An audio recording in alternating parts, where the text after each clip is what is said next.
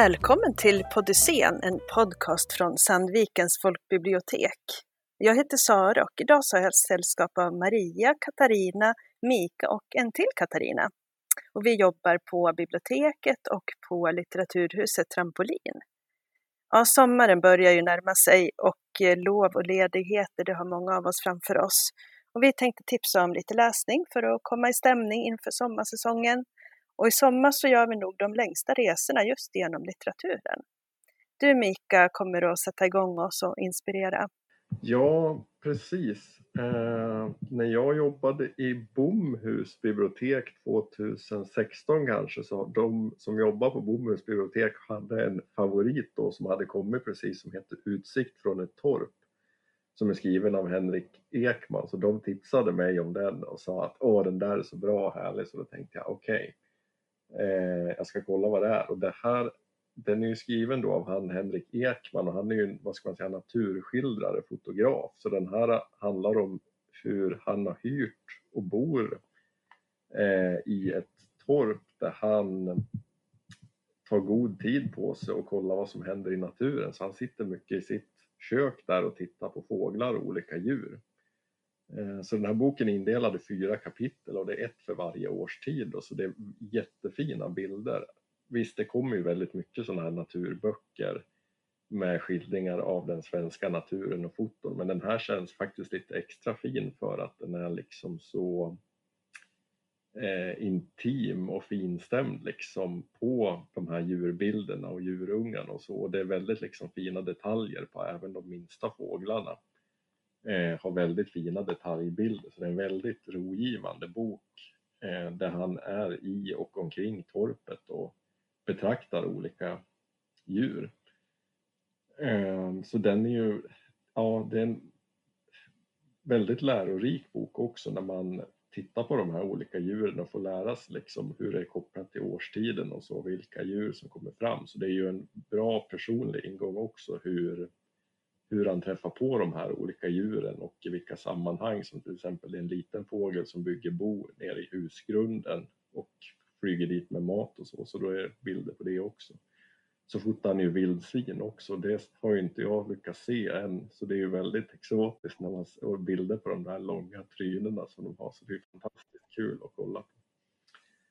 Eh, nu och sen som jag tänker som i sommar, man långt ifrån alla har ju ett eget torp att vara i, men man kan ju tänka, det man kan tänka från den här boken är att när man är i naturen, man måste ju inte alltid vara i rörelse eller vara så stressad eller liksom alltid vara på väg någonstans och vandra så man kan ju liksom tänka att vissa platser i naturen är ju som ett torp där man kan sitta på någon sten och hålla utkik efter djuren och liksom ta lite tid på sig och vänta in djuren så dyker de ju alltid upp till slut. Det är verkligen att resa i lite nä, nä, så nära man kan komma liksom på något sätt man, man är. Ja, Precis. Så nära naturen man kan komma. Vad tänker du? Jag funderar på, den där boken var ju inte, den har ju inte kommit nu liksom under pandemin, men kan det komma fler sådana här böcker under med anledning av pandemin, att man gör mera just de här närstudierna eller man tittar och inspireras av hemmaplan och så? Ja, absolut, det kan man ju tro. Att, att det liksom kanske inte är någon plan för folk från början, men sen växer mm. det fram. Det kanske var så med den här boken också, att han började fota lite grann och tänka in det här och sen helt plötsligt så har man ett ett material till ett verk. Mm. Det som var så roligt, precis nu när jag vaknade idag så kollade jag eh, på nätet, då hade jag precis fått en bild av en kompis som är ute i ett torp, så hade han varit ute igår kväll och då stod det en älg där och tittade på honom på kvällen. Så då fotade han älgen och så skickade han bilden till mig. Ja, Jättekul och det var ganska liksom i bebyggelse ändå så det är roligt, älgarna ute och går på kvällen. Nej, så den här eh, hade de rätt, bibliotekarierna i Bomhus. Eh, eh, utsikt från ett torp, kanonbok, avkopplande som gör att man eh, blir sugen på att gå ut i skogen helt enkelt och kolla på djur, även de minsta djur. Den kan jag verkligen rekommendera. Ja, det låter jättespännande. Sen har, har du, vi ska resa till Västergötland va? Också. Ja, precis. Den är ju lite mer rörlig den boken. Den heter Hem, resor i Västergötland eh, och är skriven av Erik Andersson.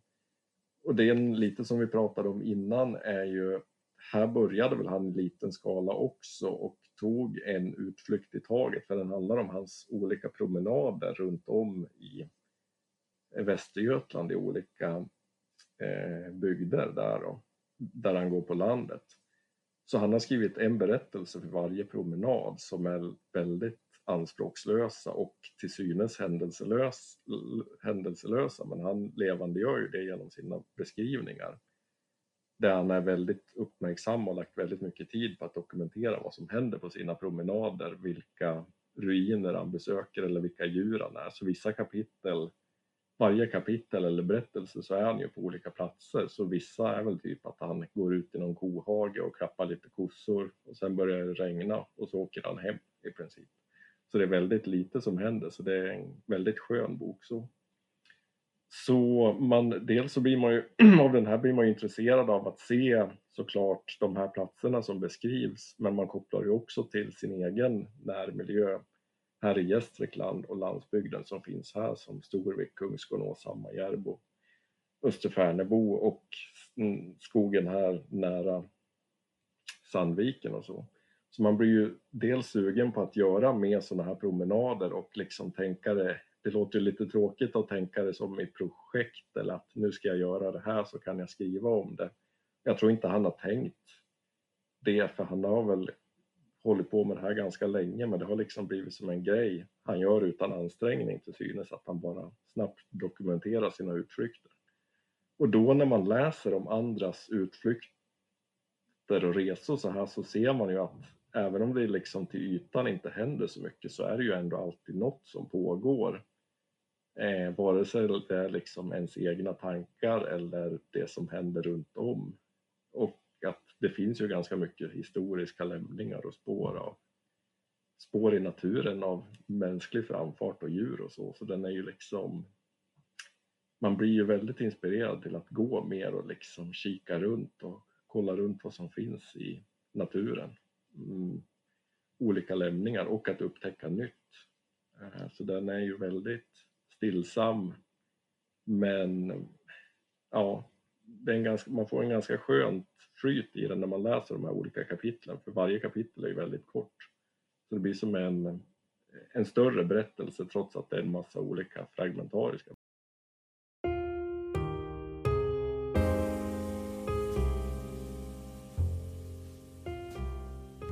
Jag tänkte att vi ska gå vidare och då har jag ett par eller några boktips och nu har vi gått från eh, torp och skog och nu blir det lite mera romaner.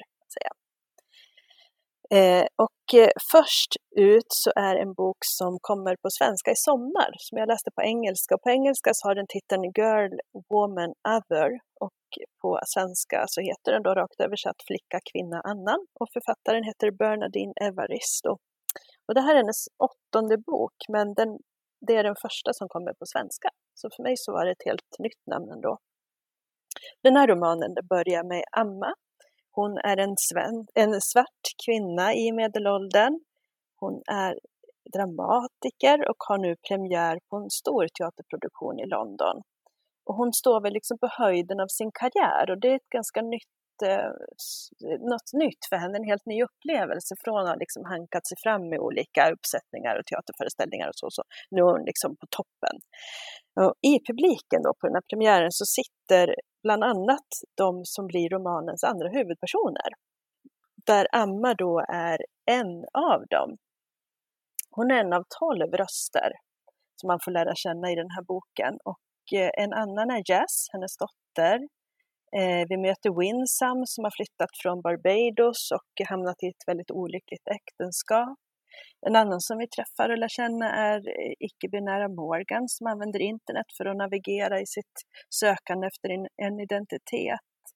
Ehm, sagt, det är tolv olika personer som på ah, olika sätt hänger ihop. Det kan vara genom släktskap, vänskap eller till och med ovänskap. En del bråkar via Twitter. Genom de här personerna så avslöjas olika sammanhang och berättelser för läsaren allt eftersom och de avslöjar också saker för varandra. Boken ger en så här vibrerande, levande bild av att vara svart kvinna eller queer i dagens England, om att vara det i olika generationer. Men det är olika personer vi möter, de har olika erfarenheter, bakgrund, livsval och det är de vi lär känna då i den här boken. Och den väcker väldigt mycket frågor. Författaren hon eh, tar upp sånt som privilegier, vilka som har dem och inte, om att vara svart i en vit värld. Hon skriver om klass, feminism, tillhörighet, om kön och så vidare. Hon skriver också om det här om att vara en sell-out eller om att gå sin egen väg. När följer man sitt hjärta och när gör man liksom det som omvärlden och marknaden lite förväntar sig av en. Men allt vävs ihop i den här levande historien där jag som läsare verkligen engagerar mig i och känner med alla de här tolv personerna. Ja, det känns som en roman som är skriven precis här och nu. Den har en modern ton och en helt egen berättarröst. Den är smart, men den är inte svårläst. Den är upplyftande, men inte ytlig. Det är helt enkelt en perfekt och med rätta väldigt prisad roman. Och till den här boken så har någon också gjort en Spotify-lista med en musik som är med. Så om man vill ha något lite extra att bita i sommar, då tycker jag man ska läsa Flicka, kvinna, annan. Eh, jag tänkte gå vidare med mitt nästa tips som är en bok som heter En plats för oss av Fatima Faren Mirza. Och I den här boken så börjar allting på Hadias bröllop. Hon är äldsta syskonet i en skara av tre. Platsen är USA, tiden är nu och familjen vi möter är muslimsk och inflyttad till USA från Indien. Här träffar vi föräldrarna Laila och Rafik, systern Huda och Amar, den yngre brodern. Och Amar han har inte träffat sina föräldrar eller två syskon på tre år. Men vad var det som hände? Vad var det som fick Amar att lämna sin familj? Genom tillbakablickar då så får man veta som läsare hur det gick till, eh, vad som ledde till att den här familjen splittrades. Vi får läsa om mamma Laila, om pappa Rafik och de gör ju verkligen allt för att skapa ett bra liv för sina barn. Och nu när barnen är vuxna så kan de både skörda frukterna av sina ansträngningar, ansträngningar men också sörja allt det som gick fel. I början när jag läste så tyckte jag att den här romanen var lite hoppig, för den hoppar lite i tid och, tid och i kronologin och så. Men när jag hade kommit in en bit i den så vande jag mig och istället så började jag tycka att den var helt fantastiskt upplagd för författaren hon lägger liksom pusselbit till pusselbit på ett väldigt medvetet sätt. En del händelser, de kanske först verkar vara på ett sätt och så visar det sig egentligen vara någonting helt annat. Och syskonen de skyddar och täcker upp för varandra och föräldrarna de skyddar och oroar sig för sina barn men de tänker också mycket på vad det här omgivande samhället och de muslimska vännerna ska tycka och tänka. Och det är oundvikligt kan man säga att det uppstår krockar åt alla möjliga håll. Ett tema i den här boken det är att navigera mellan två eller kanske flera kulturer. Om att finna sin plats i de här olika kulturerna. Det handlar om att gå sin egen väg eller att gå den väg som föräldrarna och religionen eller traditionen har stakat ut och förväntar sig. Och så finns ju det omgivande amerikanska samhället som också förväntar sig saker av människor. Det handlar om utanförskap, det handlar om att höra till, om vänskap, sorg och kärleken som är värd att offra allt för. Det är en väldigt stark roman det här om en, den här familjen som verkligen kämpar både med och mot varandra. Men även inom, inom individen så pågår någon slags kamp mellan olika sätt att leva. Så det är rörigt och det är rörligt och det är väldigt fin läsning. Är det någon av er som har hört talas om den? Nej, men jag blir jättesugen ja, på att läsa den. Det låter spännande. Kul att höra. Jag tänkte ha, avsluta med två jättekorta tips. Ett väldigt mörkt och ett väldigt ljust. Och båda två är böcker som när jag kollade senast har över 150 personer i kö på biblioteket. Men de finns att låna som e-bok, både att lyssna på och att läsa i vår biblioapp. Och den mörka boken, det är Sockerormen av Karin Smirnoff som kom eh, för ja, bara några veckor sedan. Och här har hon lämnat Norrland som hon har skrivit om tidigare och hon har lämnat Jonna Kippo från den här populära trilogin och förflyttat handlingen till Södertälje. Och I den här romanen så är det 80-tal och vi möter barnen Agnes, Christian och Mika som träffas på lekis. De är alla någon slags underbarn. Men det är en stark och väldigt mörk skildring som handlar om övergrepp och alkoholism och en vuxenvärld som sviker. Men det handlar också om vänskap inläsare om man vill lyssna på den är Ella Schartner. Så där har vi mörkret. Sen har vi det ljusa och det är Chemapel Agneta av Emma Hamberg som också kom nu under våren. Och den här ska jag inte säga så mycket om, den har redan lyfts fram på en massa olika ställen. Eh, men Emma Hamberg hon läser själv i den här otroligt varma och underhållande romanen om Magneta som efter att ha varit gift länge inser att hon levt helt enligt sin mans intressen. Hon äter ost och dricker vin i sängen i smyg medan han ägnar sig åt väldigt så här hälsosamt veganskt leverne. Eh, men Agneta hon bestämmer sig för att göra någonting så hon svarar på en annons i en tidning där någon på väldigt knagglig svenska efterlyser hjälp till en pojke som ska, för att ta hand om hans hus och hem. Talar svenska och vill sitta i baren varje onsdag tror jag att det är, klockan 17. Fredag. Fredag är det, tack. Agneta svarar och strax hon på väg till Provence. Det här är en helt underbar inläsning. Jag har lyssnat och börjat lyssna på den. Eh, och Emma Hamberg är ju fantastisk på att läsa in sina böcker så att jag rekommenderar både läsa men framförallt kanske lyssna på den. Ja, helt underbar. Mm. Det är liksom någonting som man går och Ja, bär härligt. med sig sen efteråt. Den är ja, otroligt bra.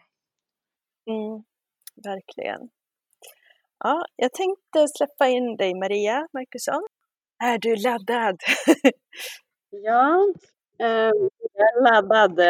Men jag relaterar lite till, eh, till dina tips. Liksom, att, eh, för jag har läst två böcker som, eh, som jag inte kunde låta bli att koppla till varann. Eh, Dels för att i bägge så är huvudpersonerna samer och i bägge så, liksom, så handlar det just om det, att sin identitet och att hitta sin plats. Och de här två karaktärerna har liksom ganska olika utgångspunkt ändå, förutom att eh, det som binder dem samman är väl att eh, båda två bär på kärleken till renarna och allt det här som hör till det samiska livet. Men att de samtidigt bär på någonting inombords som kan förändra allt. Att antingen liksom eh, vilja stanna men inte kunna eller att vilja lämna och eh, få vara fri och välja. Och då, den första boken jag tänker prata om nu det är eh, Bara dra av Ann-Helén Lestadius. Och eh, den är lättläst och eh, jag, vet inte, jag tycker inte, tycker inte om att prata om så här, eh, åldrar riktigt men hu- huvudpersonen eh, heter Johannes och är 19 år. Och Johannes är en sån här karaktär som eh, om man har läst eh, Ann-Helén Stadius tidigare böcker, ungdomsböcker eh, om Soppero så är Johannes med där som en liksom bikaraktär. Och i den här boken så får han vara huvudperson. Och Johannes, han är äldsta sonen i familjen och då är det liksom givet att han är den som ska stanna och sköta renarna och ta ansvaret för alltihopa. Han till och med hoppade av gymnasiet för att komma hem och vara med på slakten och sen blev han kvar. Eh, och i hans liv så är liksom det enda han ser är bara dörrar som stängs och han känner det här tunga ansvaret att liksom eh, familjens försörjning beror helt på honom. Och han vill verkligen, det enda han vill är att vara fri från det här ansvaret och alla förväntningar som kommer med det. Och vara vuxen på riktigt, så som han ser det. Eh, men samtidigt vet han att eh, lämnar han renarna så lämnar han också familjen. Och det är sånt där som man, man bara vet att kliver han av liksom, då kan han aldrig komma tillbaka igen. Ja, och sen så utan att berätta för någon så har han nu sökt jobb på ett eh, gruvföretag i Kiruna av alla ställen. Och lite säger sig självt att, att som, som same så kanske man inte jobbar eh, på gruvan. Men han är desperat, han vill ha ett jobb. Och nu råkar det vara så att dagen för hans intervju sammanfaller med en stor samisk demonstration som bokstavligen liksom pågår på gatan utanför det här gruvföretaget. Så börjar den här boken. Och som sagt, den är lättläst och den finns på, på flera språk också. Eh, den finns på nordsamiska, lulesamiska och sydsamiska. Och jag läste faktiskt eh, Lestadius senaste bok Stöld eh, häromdagen läste jag ut den. Och det är också så roligt för att då återkommer karaktärer i den här boken. Så det blir liksom, eh, så då fick man liksom en större, ja men man, man fick en, ett större universum liksom. Så den här Bara dra, den hade jag läst eh, för ett tag sedan faktiskt. Och sen kom, såg jag att den, en bok som heter Himlabrand av Moa Backe Åstot kom ut. Som också har en, en samisk huvudperson. Så jag tänkte den måste jag läsa för den lät så bra. Och eh, den här boken det är, eh, det är hennes debutbok faktiskt. Eh, den här författaren är, eh, född 98 och är rena, renägande same och bor i Jokkmokk. Och den utspelar sig i Jokkmokk också, den här boken. Och här har vi Ante som, eh, som är 16 år och eh, och jag tycker den är klockren. Jag känner igen mig direkt liksom, när man börjar läsa den här boken. Den här liksom, basic-känslan. Eh, typ, finns det fler som är som jag? Eller är jag helt ensam om att känna som jag gör? Eh, för att boken börjar med att, att Ante googlar. Eh, han googlar, finns det homosexuella renskötare? För i hans värld så är det en omöjlighet. Och han hittar någon tråd, det är väl säkert en typ flashback tråd där det diskuteras liksom. Att ingen tror att det finns. Eh, och det är likadant liksom på, på byn att eh, det är inget man hör talas om.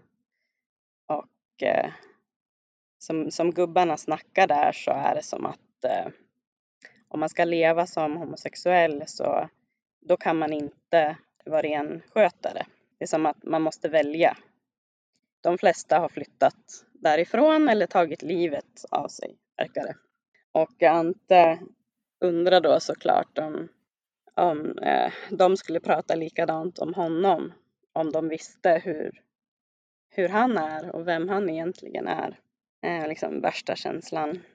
Och han skulle verkligen vilja eh, vara stadig på jorden, liksom stå som, som en fjällbjörk och stå pall för, för allt med rötterna djupt förankrade.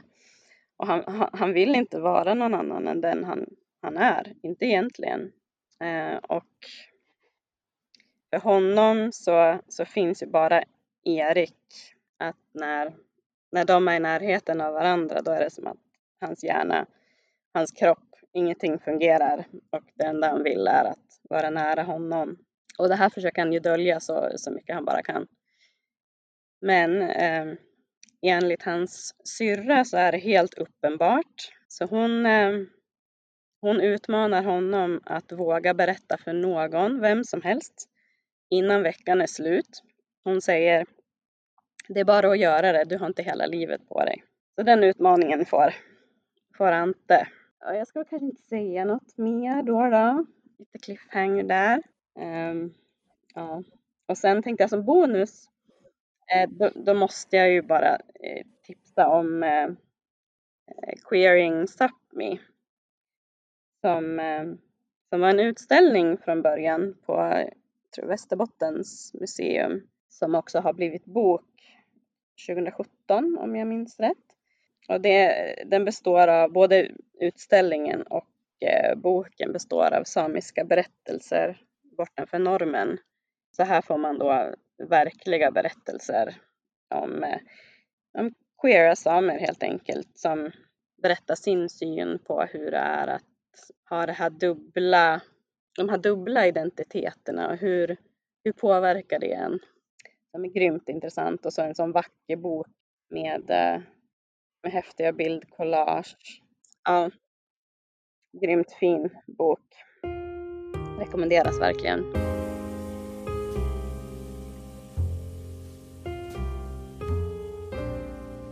Och du Katarina, du är ju lite överladdad tänkte jag säga. Men nu, nu ska vi läsa, läsa om, eller att läsa, att resa ska jag säga. Och det gör man även i tiden. Eh, eller hur Katarina, lite historiska romaner? Ja, precis. Jag är väldigt förtjust i historiska rom romaner eftersom jag tycker jag lär mig saker samtidigt som det är väldigt intressant att få en inblick i hur människor förr i världen hade det. Och jag vill tipsa om några favoriter som har några år på nacken så de här behöver man inte köa för. Eh, inga riktigt inga nyheter. Eh, den första boken den behandlar om något som i alla fall inte jag kände till tidigare, nämligen den stora flyktingutvandringen från Sverige till Brasilien och Argentina för mer än hundra år sedan. Eh, den var inte så stor. Det var ungefär 5000 personer då, i jämförelse med utvandringen till USA dit en och en halv miljoner svenskar utvandrade. Då. Eh, Brasilien de var i väldigt stort behov av arbetskraft sedan slaveriet hade stoppats. Och eh, landet, de stod för den här resekostnaden om man lyckas ta sig till Hamburg. Och familjerna utlovades mark. Eh, och det här gjorde att många utfattiga svenskar då, som inte hade råd med en Amerikabiljett, för det kostar ju ganska mycket ändå, de tog chansen att utvandra till Sydamerika. Dödskaravanen och Silverfloden heter de här böckerna som är skrivna av Mats Rasmine Eh, som tidigare gett ut läroböcker och facklitteratur. Då. Och i den första boken då får vi följa Arvid och Anna som 1891 lämnar fattig-Sverige för att söka lyckan i Brasilien, himmelriket på jorden, som visar sig vara helvetet.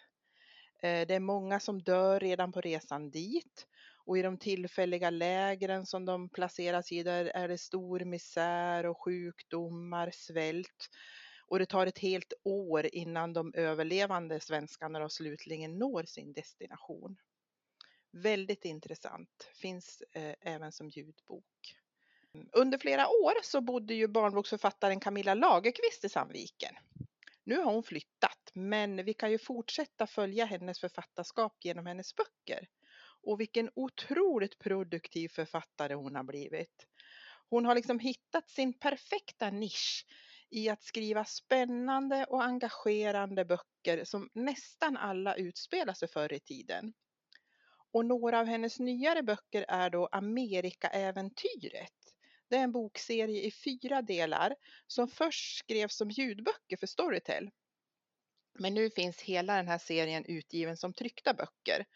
Och den första boken, Flykten till Amerika, den tar sin början 1914 och där får vi följa den unga föräldralösa flickan Ingrid vars stora syster Hedvig för ett år sedan lämnade Sverige för att söka lyckan i New York. Ingrid ger sig ut eh, för att leta upp henne för hon har ju inte hört av henne och inte fått något brev på flera månader. Och det här blir ju ingen enkel resa. Hon har inga pengar men lyckas ändå på olika sätt ta sig till Amerika. Och de här böckerna är egentligen skrivna för åldersgruppen 9 till 12 men de passar lika bra för vuxna läsare tycker jag. Eh, och det finns ju inte så det jättemycket skrivet om den perioden heller förutom utvandrarna och eh, möjligen några fler. Sen har jag en bok till som verkligen grep tag i mig när jag läste den för ungefär tio år sedan. Det är boken Mississippi av Hillary Jordan den utspelar sig strax efter andra världskrigets slut på en bomullsfarm då i just Mississippi.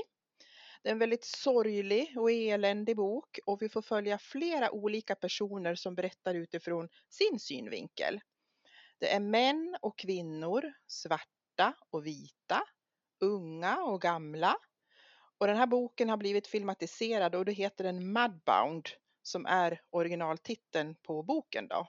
Och filmen är också jättebra, den finns på Netflix. Eh, boken den är utgiven av förlaget Historiska Media där jag kan tipsa att man kan hitta fler intressanta titlar om man gillar historiska böcker, historiska romaner. Till exempel den här Maria Gustafsdotters serie Prästdöttrarna som alla utspelar sig på 1600-talet är utgivna av Historiska Media. Just nu så läser jag en nyutgiven historisk bok som den kanske man får sätta upp sig på kö på. Eh, den heter eh, De bortglömda namnens bok av Kristin Harmell där det handlar om en ung fransyska, Eva. Hon är judinna och flyr nazisterna som numera kontrollerar Paris, tillfångatar hennes far.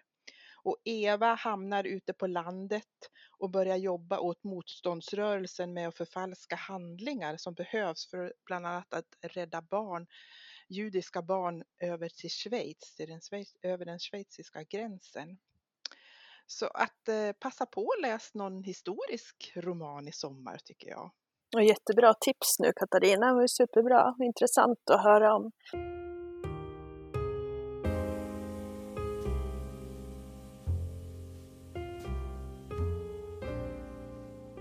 Ja, men då har vi ju en hel del bra sommarläsning att se fram emot. Allt ifrån eh, utsikten från torpet och besök till skogen till sommarens skräckisar, identitet och kriser, historiska skildringar och en del annat. Ja, men hur ser er egen sommarläsning ut då, Mika? Vad ser du fram emot att läsa i sommar? Ja, det, dels så tänker man ju att man alltid ska planera det ganska bra. Jag har ju sagt säkert 20 gånger bara i år vad man ska, det här, den Mm. ska jag läsa i sommar den här ska man beställa och så vidare. Men sen när det väl blir sommar och så blir man ledig, då brukar man leva, läsa ganska ansvarslöst. Man kan börja på vissa böcker och sluta mitt i samtidigt som man läser någon annan. Så ibland kan man läsa tio samtidigt. Och sen Mm. så kan man välja liksom väldigt fritt. Men en av mina köksluckor i skåpet, jag har väldigt mycket luckor i köket och där tänker man att det kanske står mat eller koppar och glas och tallrikar. Men en av de skåpen är helt proppfull med loppisböcker som jag köpt genom åren för 5 till 10 kronor på loppis. Så där kan jag sträcka in handen och så kan jag dra ut någonting så kan jag få ut i princip vad som helst. Mm. Så det kan bli slumpmässigt. Mm. Det tycker jag är en Slumpen får styra sommaren. Ja, är det precis. Det blir ja. en Frihetskänsla. Hur är det hos dig då Katarina? Är du slu- slumpen som styr eller har du en Nej, läslista? inte för alls någon slump. Nej. Nej. Eh, Jag har ju liksom två typer av eh, läsning. Dels min egen privata vuxenläsning och den är lyssning. Och sen är Mm. det eh, den här fysiska läsningen och den eh, är i barn och ungdomsböcker eftersom jag jobbar som barn och ungdomsbibliotekarie. Så det jag ser fram emot eh, som lyssning det är många nya delar i deckaserier. Ninni Schulman, George Rosenfeldt, Maria Adolfsson och så även nya fristående böcker av Mattias Edvardsson, Mikael Bergstrand, Sara Lövestam, David Erleman och så alla härliga Sommar i P1 förstås. Ja. Försöker klämma in och lyssna Mm. på. Eh, och som fysisk läsning då, eh, då ser jag fram emot eh, Ockelbobördiga Elin Persson som blev så prisad för sin bok De afghanska sönerna och som nu i sommar kommer med en ungdomsbok som hon tydligen ska ha inspirerats till av sin uppväxt i Lingbo utanför Ockelbo. Jag bor i Ockelbo. Mm. Eh, det är någonting som drar i mig heter boken och den är jag väldigt nyfiken på. Spännande. Det låter ju som du har en härlig lässommar framför dig. Mm. Mm, du då Maria, vad väntar i läshögen? Har du någonting som du ser fram emot extra? Alltså jag har ju hur mycket som helst Mm. att läsa. Typ både sånt som jag har köpt och så har jag lånat jättemycket. Um, en som har stått och väntat på mig ett tag det är um, Asata Shakurs um, självbiografi. faktiskt. Mm. Som jag liksom längtar efter där i hyllan. Ehm, där hon skriver om sitt liv och sin tid i eh, Black Panther-rörelsen och Mm. Black Liberation Mm. och så.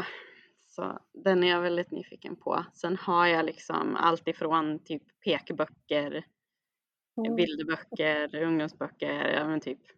Jag har ett eget bibliotek. Ja, hemma. det är härligt. Ett lager att ta av liksom. Ja, verkligen. Mm. Ja, men det låter som vi alla har, eller ni alla har mycket bra framför er i sommar. Härligt. Jag tänker att vi ska runda av där och önska våra lyssnare en härlig lässommar. Hoppas att ni har hittat bra tips genom oss. Så, ha en skön sommar allihopa.